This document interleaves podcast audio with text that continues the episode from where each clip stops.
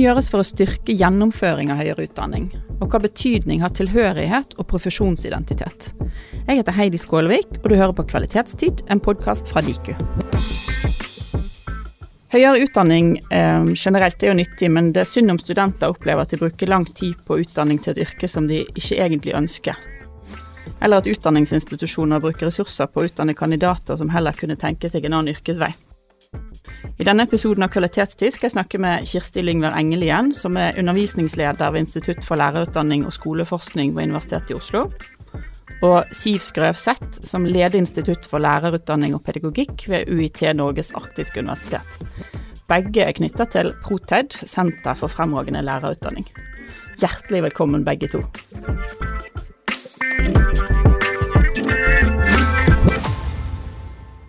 I Proted har dere jobba mye med tilhørighet, profesjonsidentitet og gjennomføring, og i dag skal vi få høre litt mer om prosjektene Promo og Oppstart med stil, som jo er to løsninger på samme utfordring. Kan du, Kirsti, først fortelle litt om bakgrunnen for dette arbeidet? Ja, hei, og takk for invitasjonen til å være med i denne podkasten. Det er jo slik at uh, frafall og gjennomføring er jo et viktig problematikk som veldig mange har jobba med, også da Proted gjennom sine nå ti år som senter for fremragende utdanning. Eh, når vi snakker om lærerutdanning, så er det jo slik at læreres profesjonskunnskap er kompleks, og dermed er også utdanningene, lærerutdanningene veldig komplekse. Det er veldig mange som skal samarbeide på mange arenaer for å lykkes med å tilby god eh, utdanning. Eh, sånn sett så er en lærerutdanning det er både en profesjonsutdanning og en fagutdanning i alt i ett. Og internasjonal forskning har lenge påvist eller dokumentert at det er noen faktorer som bl.a. er spesielt utfordrende i det å tilby god lærerutdanning. Eh, den ene faktoren som gjerne løftes fram, er dette med relevans. Eh, er utdanningen relevant for den profesjonen som studentene utdannes til? Det har vært et veldig viktig tema for Proted. Annen tematikk som ofte løftes frem, er dette med koherens? Er det integrasjon, er det helhet og sammenheng mellom uh, studietilbudet, i det at det er mange spenninger i lærerutdanningene, i og med at det er både en profesjonsutdanning og en fagutdanning? Uh, opplever studentene at det er helhet og sammenheng mellom det de lærer på campus og i skolen, f.eks.? Og så er det mange andre faktorer, som f.eks. at uh, utdanningene er fragmenterte. Det er jo, og, sånn er det fortsatt. Det er sånn, vi har ikke lært nok om. Vi trenger å lære mer om. Så det er en konstant utfordring, det å på en måte holde fast på et kjerneinnhold, som er essensen i en lærers profesjonskunnskap gjennom utdanningsløpene, og ikke, ikke fragmentere og bryte det opp sånn at det blir for lite av alt.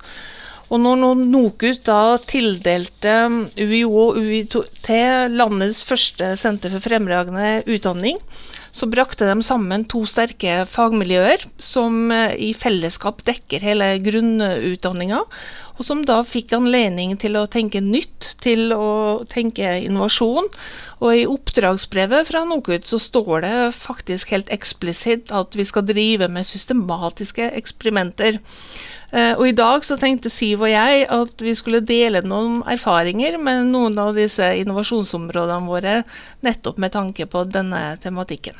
Mm, kjempefint. Uh, og, og uh, det var helt spesifikt promo vi skal snakke litt om i dag på Universitetet i Oslo, var det ikke sånn? Ja. Uh, og promo er en av de områdene, eller innsatsområdene, som Universitetet i Oslo har jobba spesielt med. Um, det er rett og slett en profesjonsretta faglig sosial mentorordning. Uh, og denne har vi utvikla i et veldig tett samarbeid med våre partnerskoler og universitetsskoler spesielt.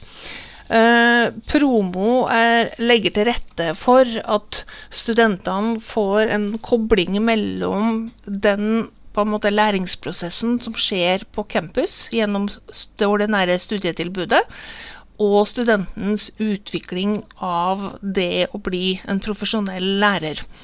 Mentorordninga er kort oppsummert består av erfarne lærere fra våre samarbeidsskoler, som da er mentorer for grupper av studenter. Og disse mentorene de har underviser da, i de samme fagene som studentene har valgt å studere. Uh, og vi har fulgt denne ordninga veldig tett, og vi har evaluert den, og det er gjort følgeforskning på den. Og funn fra evalueringa viser jo da at denne type modell for å skape tilhørighet og legge til rette for profesjonsutvikling, den fungerer veldig godt, bl.a. fordi at studentene ser at det er en kobling mellom det faglig-sosiale elementet og uh, at det er relevant for selve utdanningsløpet. Um, en, også en annet aspekt av dette her er jo at profesjonsidentiteten, når studenten er helt ny og skal begynne på et studieprogram, så er det kanskje de færreste som egentlig vet hva slags studieprogram de har begynt på. Uh, og profesjonsidentiteten til lærere er jo kompleks, den er dynamisk, den utvikler seg over tid. Og bare det for en elev å ha um, en samtalepartner med en erfaren lærer, så hjelper dem å skifte perspektiv fra det å være, se klasserommet fra et elevperspektiv til å se det som en lærer.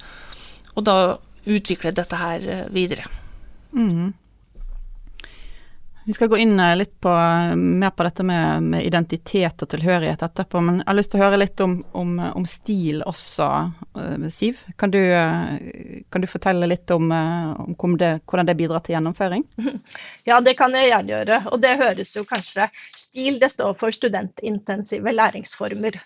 Og, og det har jo det, har jo sin bakgrunn i at uh, da vi var midtveis i prototperioden, så fikk vi en utfordring. Og det var at uh, lærerstudenter de jobber ikke nok i studiet. Det er ikke nok læringstrykk i studiet. Og vi er ikke så veldig glad i det begrepet læringstrykk, for det høres litt trykkende ut. Så vi prøvde å tenke ja, hva er det nå egentlig det betyr. Og vi prøvde å snu på det istedenfor å finne ut hva er det vi ikke vil, til hva er det vi vil. Jo, vi vil at de skal ha økt læringslyst, og så vil vi at de skal ha økt læringsbehov. Og hva er det vi vet om, om utdanninger som har fått til det? Klarte vi å se for oss noen utdanninger hvor vi kunne hente litt inspirasjon? Og vi syns det er spennende å lære andre og la seg inspirere andre. Og vi har før også sett på profesjonsutdanningene medisin, siden, siden eh, noen av de tingene som de har holdt på med. Og så har vi blitt litt arrestert for at jo, men de er jo så godt finansiert, og det, det, det er så dyre utdanninger, og vi får ikke til det som de gjør. Nei, Vi får ikke til akkurat det samme, men enkelte ting kan vi hente derfra. Og en av de tingene som de gjør her i Tromsø, som vi har blitt veldig inspirert av, det er helt i begynnelsen av studiet så har de noe de kaller for en førstehjelpsuke.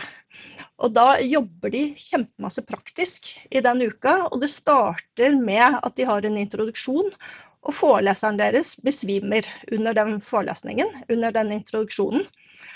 Og så må de som er rundt, hive seg rundt og prøve å få liv i han igjen. Og etter en liten stund så spretter han opp, og så spør han utover de 100 studentene som sitter i auditoriet, hvor mange av dere var det som var bekvemme i denne situasjonen og visste hva dere skulle gjøre. Og det var inngangen til hele den uka at oi, jeg skal bli lege, ja. Her er det mye å lære, men jeg har veldig lyst. Og de begynner å kjenne på den identiteten med en gang. Så vi ble liksom inspirert av det og tenkte hva er det vi kan gjøre for å lage en oppstart som ikke er førstehjelpsoppstart, men som vi får fram noen av de samme på en måte, Ja, her er det masse å lære, og jeg har veldig lyst til det. Så det var, Og samtidig den identiteten som vi oppfattet at de medisinstudentene hadde. At de gikk rundt og så på seg selv som kommende leger. Vi ville at våre skulle se på seg selv som kommende, kommende lærere. Og det, det, var der vi tenkte at vi startet. Så, så, det var bakgrunnen for at vi satte i gang. Og så fikk vi inspirasjon, og vi så på en film om, om uh, førstehjelpsuka. Vi begynte å tenke hva kan dette være? Og noe av det første vi tenkte, det er vi må få dem over fra rollen som elever på videregående skole, for dette er jo stort sett to måneder imellom bare fra russetiden til de kommer til oss, og få dem i gang med å tenke OK, nå er jeg på universitetet, jeg skal bli noe. Og, så vi samler alle sammen den første dagen. Første de gjør når taler og musikk er ferdig, så sitter de rundt kafébord med fem-seks stykker sammen, som aldri har møtt hverandre før, selvfølgelig. Og en av våre lærere sitter sammen med dem, og så har de tre spørsmål som de sitter og diskuterer. Og det ene er hvorfor vil du bli lærer? Altså hvorfor er du her egentlig? Hva er begrunnelsen din for det? Og det andre er ja, hva slags lærer vil du bli? For da diskuterer de jo egentlig hva er en god lærer for dem. Hva tenker de på som en god lærer? Da kommer de med masse eksempler på hva de tenker på tidligere osv. Og, og så er det siste spørsmålet ja, hva skal du gjøre for å bli den læreren? Hva skal til? Hva er det du skal gjøre nå i disse årene, disse fem årene foran deg for å bli den? Og så starter vi der, og så har vi laga noen elementer inn i en sånn uke for dem hvor kanskje det viktigste elementet er at de allerede i den første uka er ute i en skole og får prøve seg litt i en bitte liten økt. For de får prøve seg lærere, som lærere med en gang. Ikke helt uforberedt, for da forbereder vi dem litt. Men det er ikke noe sånn vanskelig faglig de holder på med. Men det er kanskje bli kjent-opplegg med klassen, noen kommunikasjonsøvelser. Vi har noen workshops og sånn som forbereder dem på det. Og I den samme økta på skolene så, så intervjuer de også en gruppe elever om hva en god lærer er. Så, så, de kommer på en måte inn og blir bada litt i det der å bli lærer med, med, en gang. Og det tror vi har, eller vi er helt sikre, og vi ser det jo også på resultatene våre, at dette her De både blir kjent, men de får en identitet, de får noen knagger. De, de kjenner skolen litt. Fra å ha vært elev der i 13 år sjøl, og plutselig så kommer de, og som flere av dem sier når vi intervjuer dem, dette er første gangen jeg ser på skolen som voksen. Og det er jo uh, å komme inn i en helt annen rolle. Mm. Så det var litt uh, Så det her har du bakgrunnen for oppstart med stil, som vi nå har kjørt uh, siden 2017. Og nå sist så kjørte vi det som vi kalte oppstart med koronastil, for da måtte vi jo gjøre det litt annerledes. Men en del av elementene har vi fått til allikevel. Vi klarte ikke å få til skolebesøket sist, men de andre elementene har vi klart å få til. Mm. Det er klart, ja.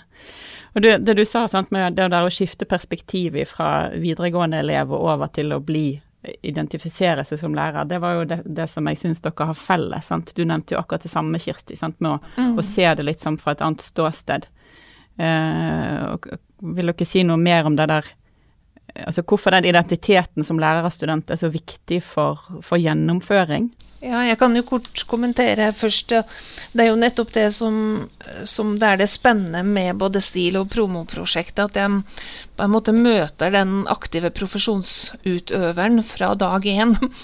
Og så er det Dette her er en veldig sånn prosessdimensjon som også kan være veldig personlig. Og det nettopp som Si fortalte i STIL-prosjektet, disse spørsmålene.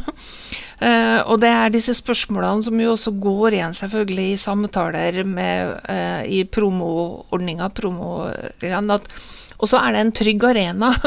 Disse, disse, prosjektene at det er en trygg arena til å stille de spørsmålene som gjør at du er usikker, og som kanskje ikke ville komme opp i en vanlig studiesetting, fordi at det blir bygd en relasjon eh, gjennom disse tiltakene som gjør at du skaper Eh, en god læringsomgivelse eh, og skaper rom for refleksjon over egen eh, profesjonsutvikling, som jo tar tid og, og er en prosess. Og, og, det er jo naturlig også slik at i sånne prosesser så er det jo noen studenter som finner ut at kanskje dette ikke var noe for meg. og, det, og, og, det, er jo også viktig at de får den erkjennelsen tidlig i, i studieløpet. Eller så er det jo det å utdanne seg til lærer, det er å utdanne seg til en profesjon. Og det å, å jobbe som en profesjonsutøver, Siv, det å være en del, aktiv del av profesjonen. Du kan jo si, si litt om det, og hvor viktig lærerutdanninga er for, for den skapende delen av profesjonen. Mm. Ja, for noe av det som vi oppdaga uh, ganske tidlig, før vi satte i gang STIL-prosjektet, egentlig vi, vi, vi, har jo barnehagelærerutdanning også hos oss på ILP. Og vi oppdaget at de som tok en, en treårig barnehagelærerutdanning, de, de, var mye mer på at de så seg selv som yrkesutøvere. Mens hos oss om det handlet om at det var så lenge til de skulle ut, eller om ikke de klarte helt å se for seg hvilke trinn de skulle ut på. Men vi så at det var iallfall en forskjell når, når studentene snakka med lærerne sine om jobben, så var de som skulle ut i barnehagen, de var mye mer konkrete i hva de snakket om. Så det var her vi tenkte her må vi begynne å være konkrete. Vi klarer ikke å lage identitet til et eller annet som er svevende og, og og um, ikke konkret. Må, vi, de må se det for seg, de må kjenne det på kroppen. Så, um, og det å komme ut og være sammen med si, ordentlige lærere de, Hos oss så får de jo prøve seg litt. Grann. Hos dere Kirsti, så har de jo de mentorene sine som de møter med jevne mellomrom. Og begge deler tenker vi er viktig. Så har vi noen andre eksempler òg, men det er å, å få snakka med de ordentlige lærerne med en gang. Det tror vi også noe på. Mm. Og, og en av kjernen på en måte i i lærerutdanningene i dag, som har vokst seg fram gjennom tid, bl.a. gjennom det arbeidet som Proted gjør, er jo dette med partnerskap. Så samarbeidet med våre eh, partnerskoler og universitetsskoler spesielt er helt grunnleggende her. Eh, også for den andre tematikken som vi var inne på, dette med relevansen.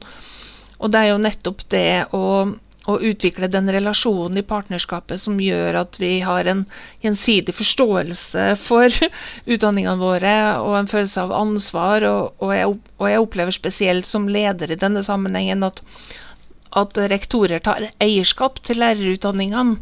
Og det er noe som jeg setter utrolig stort pris på, fordi at det er, det er denne sammøtet eh, mellom alle vi aktørene som skal realisere noe som er veldig komplekst sammen. Eh, så, og, og, gjennom disse ordningene her så har vi utvikla begge de ordningene, både promo og stil, i det der tette samarbeidet med våre partnere i skolen. Og dermed så får vi begge disse perspektivene sammen. Eh, og Det tenker jeg er også en suksessfaktor i dette. Mm. mm. Det tenker jeg var kjempe, kjempefint at du sa, Kirsti. For det, det, som, det, som, du minner meg på da, det er jo nettopp at vi hadde aldri fått til å kjøre den oppstartuka med å sende dem ut i skolene eh, hvis ikke vi hadde hatt universitetsskolene og, og samarbeidet og sendt dem til. For det er helt klart, nå snakker vi altså om at vi sender dem ut i løpet av de første dagene som elevene møter hverandre igjen til høsten. Så, så her er vi vi virkelig inne på, på her får, får, ikke lærerne noen tid til å ordne for seg og sine og sånt før der kommer våre studenter rett ut til dem. Og da gjør de det fordi at eh, rektoren deres og de lærerne sjøl har vært med på å utvikle opplegget sammen med oss og syns at dette her faktisk er viktig at disse studentene gjør. Og at de, de føler seg som lærerutdannere, lærerne i skolen, når de får lov å være med på det. Og det er jo det vi prøver å omtale dem som også. Og vi vil gjerne at de skal omtale seg sjøl som lærerutdannere i praksis. Så mm. det er et veldig spennende perspektiv som jeg tror er viktig. Um, dere snakket jo uh, begge to om at dere har oppnådd gode resultater på, altså på gjennomføring og for studentene, men, men, hva tilbakemelding får dere fra studentene sjøl på, på, de oppleggene? Um, for det første så, så, får vi veldig gode evalueringer på det. Jeg tror noe av det, eh, det er at uh, rett og slett studentene opp opplever at de kommer til noe som er litt gjennomtenkt og ser litt ordentlig og proft ut. Det skal vi ikke undervurdere. Det var en av de som, som har vært tillitsvalgt alle år seinere, som nok var litt verbal. Men han sa det er så godt å komme til noe hvor vi ser at noen har lagt ned så mye arbeid i å ta oss imot. Det handler om å bli verdsatt, og det, det tenker vi er viktig i seg sjøl. Og så ser de at dette her er jo en start på et eller annet. Det er ikke noe som bare avsluttes. Og vi tar jo opp igjen de spørsmålene, de tre spørsmålene. Og vi får tilbakemeldingen også fra, fra de tillitsvalgte studentene at dette her, de tre spørsmålene, hvorfor vil du bli lærer, hva slags lærer vil du bli, og hva skal til for at du skal bli den læreren, det er det spørsmål som studentene diskuterer seg imellom videre. Og så ser vi forskjellen på studiebarometeret for de kullene der som de har hatt eh, dersom de har hatt oppstart med STIL, og de som har gått årene før. Så, så det handler også om bl.a. om relevans og, og motivasjon osv. Den typen ting. Så, ja. Hva ser dere i studiebarometeret? da? Er de mer fornøyd, eller? Ja, de er mye mer fornøyd, og de opplever, de opplever jo akkurat den identiteten som tydeligere. De opplever at de er bedre kobla på studiet fra, fra start. De ser arbeidsrelevansen tydeligere. Men særlig motivasjonen. Det er jo der vi ser at den er aller høyest. Og det er vi veldig glad for, for det er noe av det vi har jobba for sjøl også, at de skal ha. Mm. Kirsti, du vil legge noe til noe fra promo? Det kan jeg godt. Jeg nevnte jo tidligere at det er gjort følgeforskning på promo. For vi tenkte at når vi nå satte i gang noe såpass stort Promo består jo av ti emner. Eh, ett emne for hvert av semestrene i de femårige masterutdanningene. Uh, og det er jo en betydelig ressursinngang som, som også går til denne mentorordninga. Uh, mine kollegaer Ida Katrine Hatlevik og Eli Leonberg har gjort følgeforskning på dette og publisert uh, flere artikler også, men noen av funnene, da, tilbakemeldingene fra studentene, er jo som Siv sier, at Evalueringene er veldig positive. At studentene opplever at dette er noe som er satt godt i system. Og det erfarte vi eh, de første årene vi gjorde en pilot på den mentorordninga. Altså noe så viktig og grunnleggende som strukturen som ligger i bunnen. Eh, hvordan den skal være, hvordan den skal fungere, er helt avgjørende. Og da spiller vi igjen inn på dette med koherens. Um, så etter de første pilotforsøkene våre så ble dette her da definert som emner, nullstudiepoengsemner, som studentene kunne melde seg opp til på samme måte som andre emner. Eh, og det vi oppnådde da, var at det dukka opp i timeplan. For dette her er jo et frivillig tilbud. Og, og, det er kanskje den største utfordringa vi har. Eh, vi kan tilby ting, men så er det noe det med å få studentene til å engasjere seg og følge opp og, og bruke tid. Tiden er dyrbar. Men det som studentene bl.a. Um, gir veldig gode tilbakemeldinger på, er jo at de opplever at de uh, dette her er veldig relevant, og da er det spesielt at det er en faglig sosial kobling mot selve Eh, profesjonen de, de, skal utdanne seg til. At det ikke bare er et løsrevet faglig sosialt tilbud, sånn som fadderordninger f.eks. Eh, de gir tilbakemeldinger om at det er veldig lærerikt og inspirerende og ikke minst motiverende, som Siv var inne på. Jeg tror det er veldig viktig. Eh, disse mentorene har jo en funksjon som rollemodeller. I denne ordninga så ligger det også skolebesøk. Eh, og det å møte elevene og så få disse erkjennelsene og aha-opplevelsene, disse øyeblikkene eh, om du ikke har eierskap til øyeblikkene selv, men se at det skjer. Og så få anledning til å drøfte disse casene og disse problemstillingene, eh, tror jeg er en veldig viktig element i det. og De gir tilbakemelding om at de får et utvida og til dels nytt syn på hva en lærers oppgave er det er jo mange som har meninger om skole, og, og, ikke minst om lærerutdanning. Og det er fordi vi alle har gått på skolen. Vi har alle vært elever, og, og, og det betyr at vi kommer også inn i et sånt studieløp med veldig mye forforståelse. Uh, og det å få anledning til å drøfte og reflektere, og da etter hvert i møte med den forskningsbaserte kunnskapen, så får du på en måte et rom der som, som er viktig. Og vi ser også at den mentorordninga fungerer veldig godt som forberedelse til studieemnene, som er da profesjonsemnene i, i studieprogrammet, og at det bidrar til, til overganger der. Og så ikke minst et aspekt ved dette her som jeg må innrømme at jeg tenkte ikke så mye på når vi først designa dette her det er dette med ensomhet. Uh, fordi at uh, dette er jo store studieprogrammer. Ved UiO så er det et kjempestort studieprogram. Det er fem fakulteter som samarbeider om uh, studieprogrammer. Så lektorstudentene ved UiO det er dem som blir best kjent på campus, for dem er virkelig overalt. I lektorutdanningene så inngår jo studieemner som inngår i ordinære andre bachelorløp. Så bare det å finne hverandre i den store forelesningssalen fordi at du er på samme promogruppe Så det å bli kjent Så jeg husker de første årene sant, at disse, de skulle ha julebord i promogruppa si.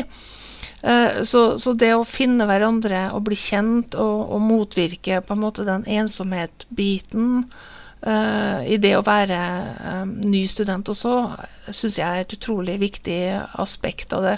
Uh, og nå denne, denne våren så hadde vi hadde et lite blaff av håp her for, for halvannen måned siden til at vi kanskje kunne få til noen fysiske møter i, i promogruppa når studentene var så ivrige, men så er det korona som, som stoppa dette, og det har vært liksom digitale samtaler. Men, men jeg, ja, vi alle ønsker vel oss tilbake til den tiden vi kan være i det samme rommet og snakke og reflektere og, og være sammen.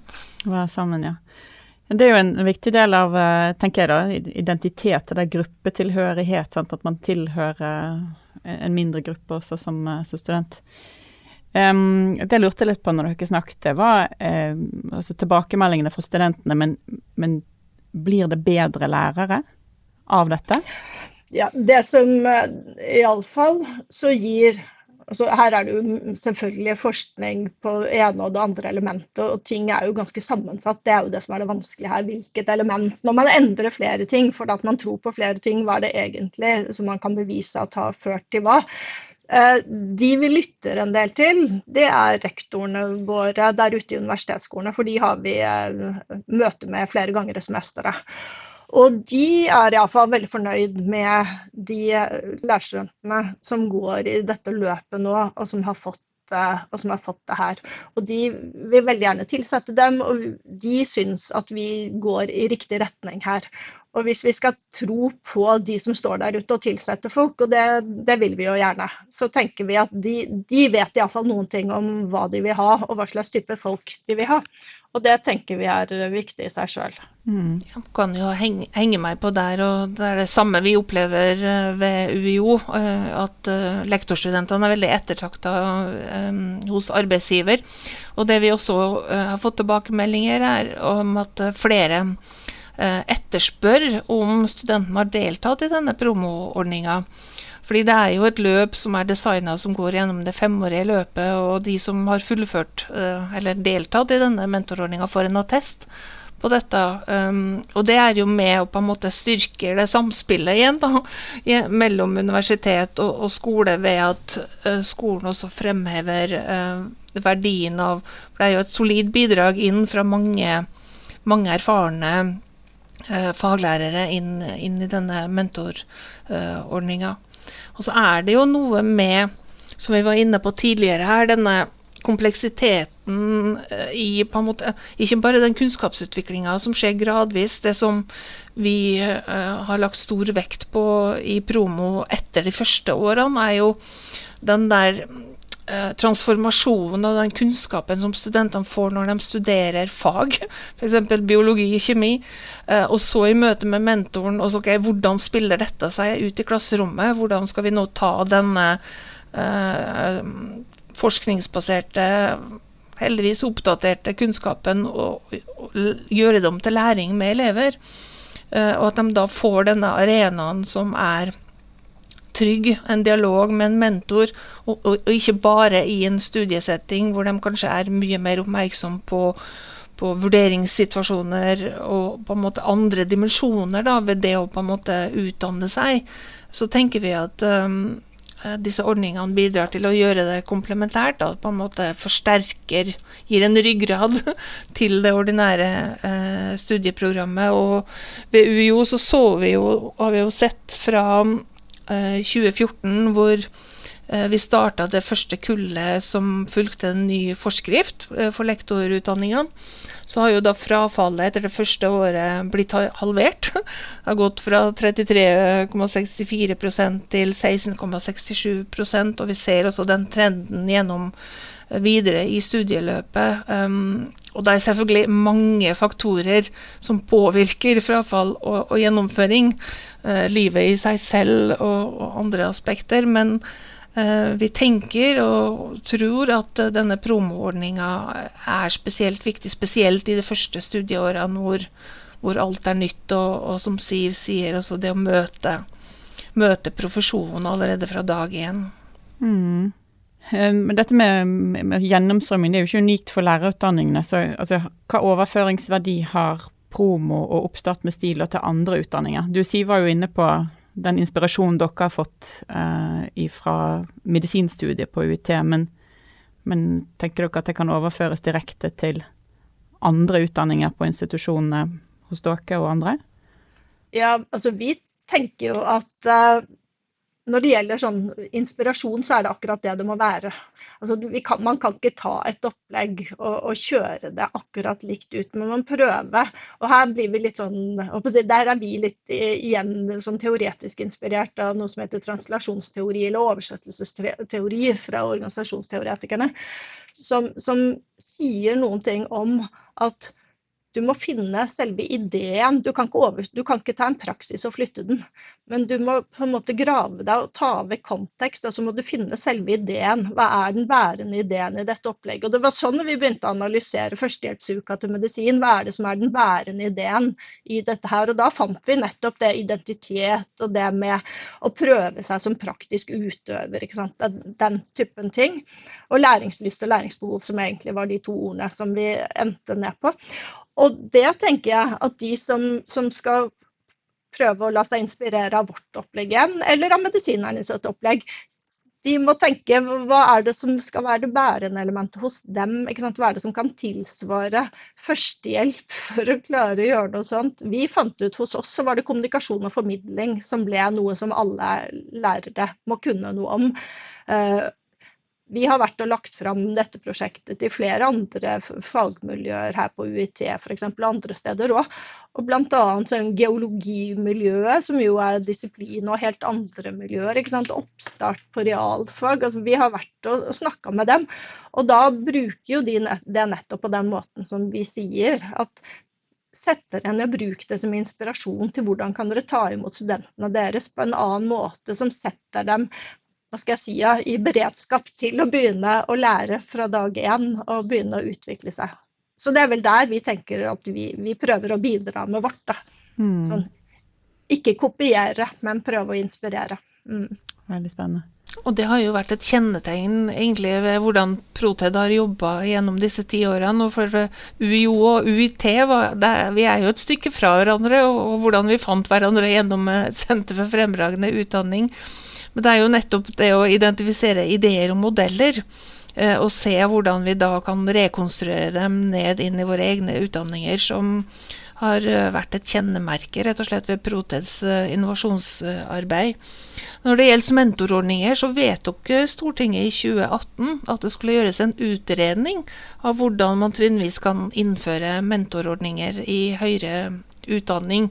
Så dette her er jo noe som er på den politiske agendaen for høyere utdanning, og vi har jo fått meldinger om arbeidslivsrelevans. og Det, det er et veldig høyt fokus på, på disse koblingene. Eh, og det er jo det samme som Siv sier, at eh, i denne på utviklinga så har vi funnet en modell, men vi har også identifisert faktorer som er viktige for å lykkes med, med denne modellen, og så kan andre eventuelt ta elementer av det og lage nye modeller eh, i, i sine sine løsninger. Men, men alle er vel stort sett enige om uh, betydninga av koblinga mellom utdanninga og arbeidslivet. Uh, så jeg tenker at Protet sitt arbeid på dette området kan bidra med uh, innsikt og erfaringer og, og inspirasjon for andre aktører, og se hvordan det strukturelt kan la seg uh, løse i, i, andre utdanningsmodeller. Mm, Kjempefint. Veldig spennende. Vi går litt mot uh, avslutning, uh, begge to. helt til slutt så har vi et hypotetisk spørsmål til begge, som dere skal få lov til å svare på. Og det er først deg, Siv, tenker jeg. Du er statsråd for en dag med det øverst politiske ansvaret for norsk utdanning på alle nivå. Hva er da det første du gjør? For det første, Gud forby at jeg noen gang blir det. For det her syns jeg jeg synes jeg har en mye morsommere jobb der jeg er. Det er nå én ting. Og så begynte jeg å tenke, når du, når, du, når du, sendte meg spørsmål, så tenker jeg ja, hva kan nå en statsråd egentlig gjøre, da? Og så kjente jeg at ja, hva er det jeg vil at statsråden skal gjøre i morgen? Så tenker jeg OK, som instituttleder så sier jeg jo full finansiering av, av femårig lærerutdanning, tenker jeg. Den, eh, den, går det an å gjøre på en dag, tenker jeg. Det er overkommelig og vil bety fryktelig mye for oss. Så og, og, hvis jeg skal ta med hva man skal gjøre på ettermiddagen òg, når man først har gjort dette på formiddagen, så kan man jo løfte lærerutdanningen opp i, kategori, i det kategorisystemet vårt. Så tenker jeg da har man gjort et godt dagsverk. Så da hadde jeg tror jeg vært fornøyd med meg selv. Mm. Ja, Veldig bra. Kirsti, er du fornøyd med Siv sin innsats her? Ja, altså Ja, jeg, vi er jo eh, Vi tenker jo likt, da, må jeg bare innrømme her. At det hadde jeg vært statsråden, så Altså, ressurser det er et fundament uh, for alt vi gjør. Det er det vi møter uh, i hver en sving. Uh, jeg nevnte denne promo-mentorordninga.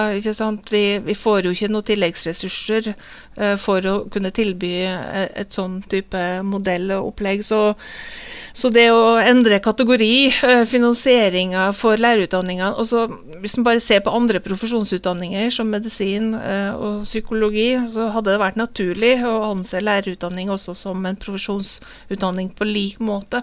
Og det er jo det elementet av praksis her um, som ligger i disse, uh, disse, utdanningene som gjør at finansieringa blir et så utrolig viktig spørsmål. Fordi uh, praksisen uh, finansieres også gjennom studieplassene, og dermed så blir budsjettet igjen til å jobbe på den måten som vi ønsker å jobbe. det. Også vi er egentlig finansiert for å drive store forelesninger. Eh, og det ønsker vi jo ikke bare å drive med, vi ønsker å jobbe sånn som Siv og jeg akkurat har, har snakka om. Så, så det, må bli, det, må bli, ressurser og fullfinansiering av lærerutdanningene og kategorigjeving som hadde vært, vært på agendaen også. For ja, dag én. Dag to så kunne vi igangsatt prosessen for eh, å revidere forskrifter, som eh, jo de også har på den politiske agendaen.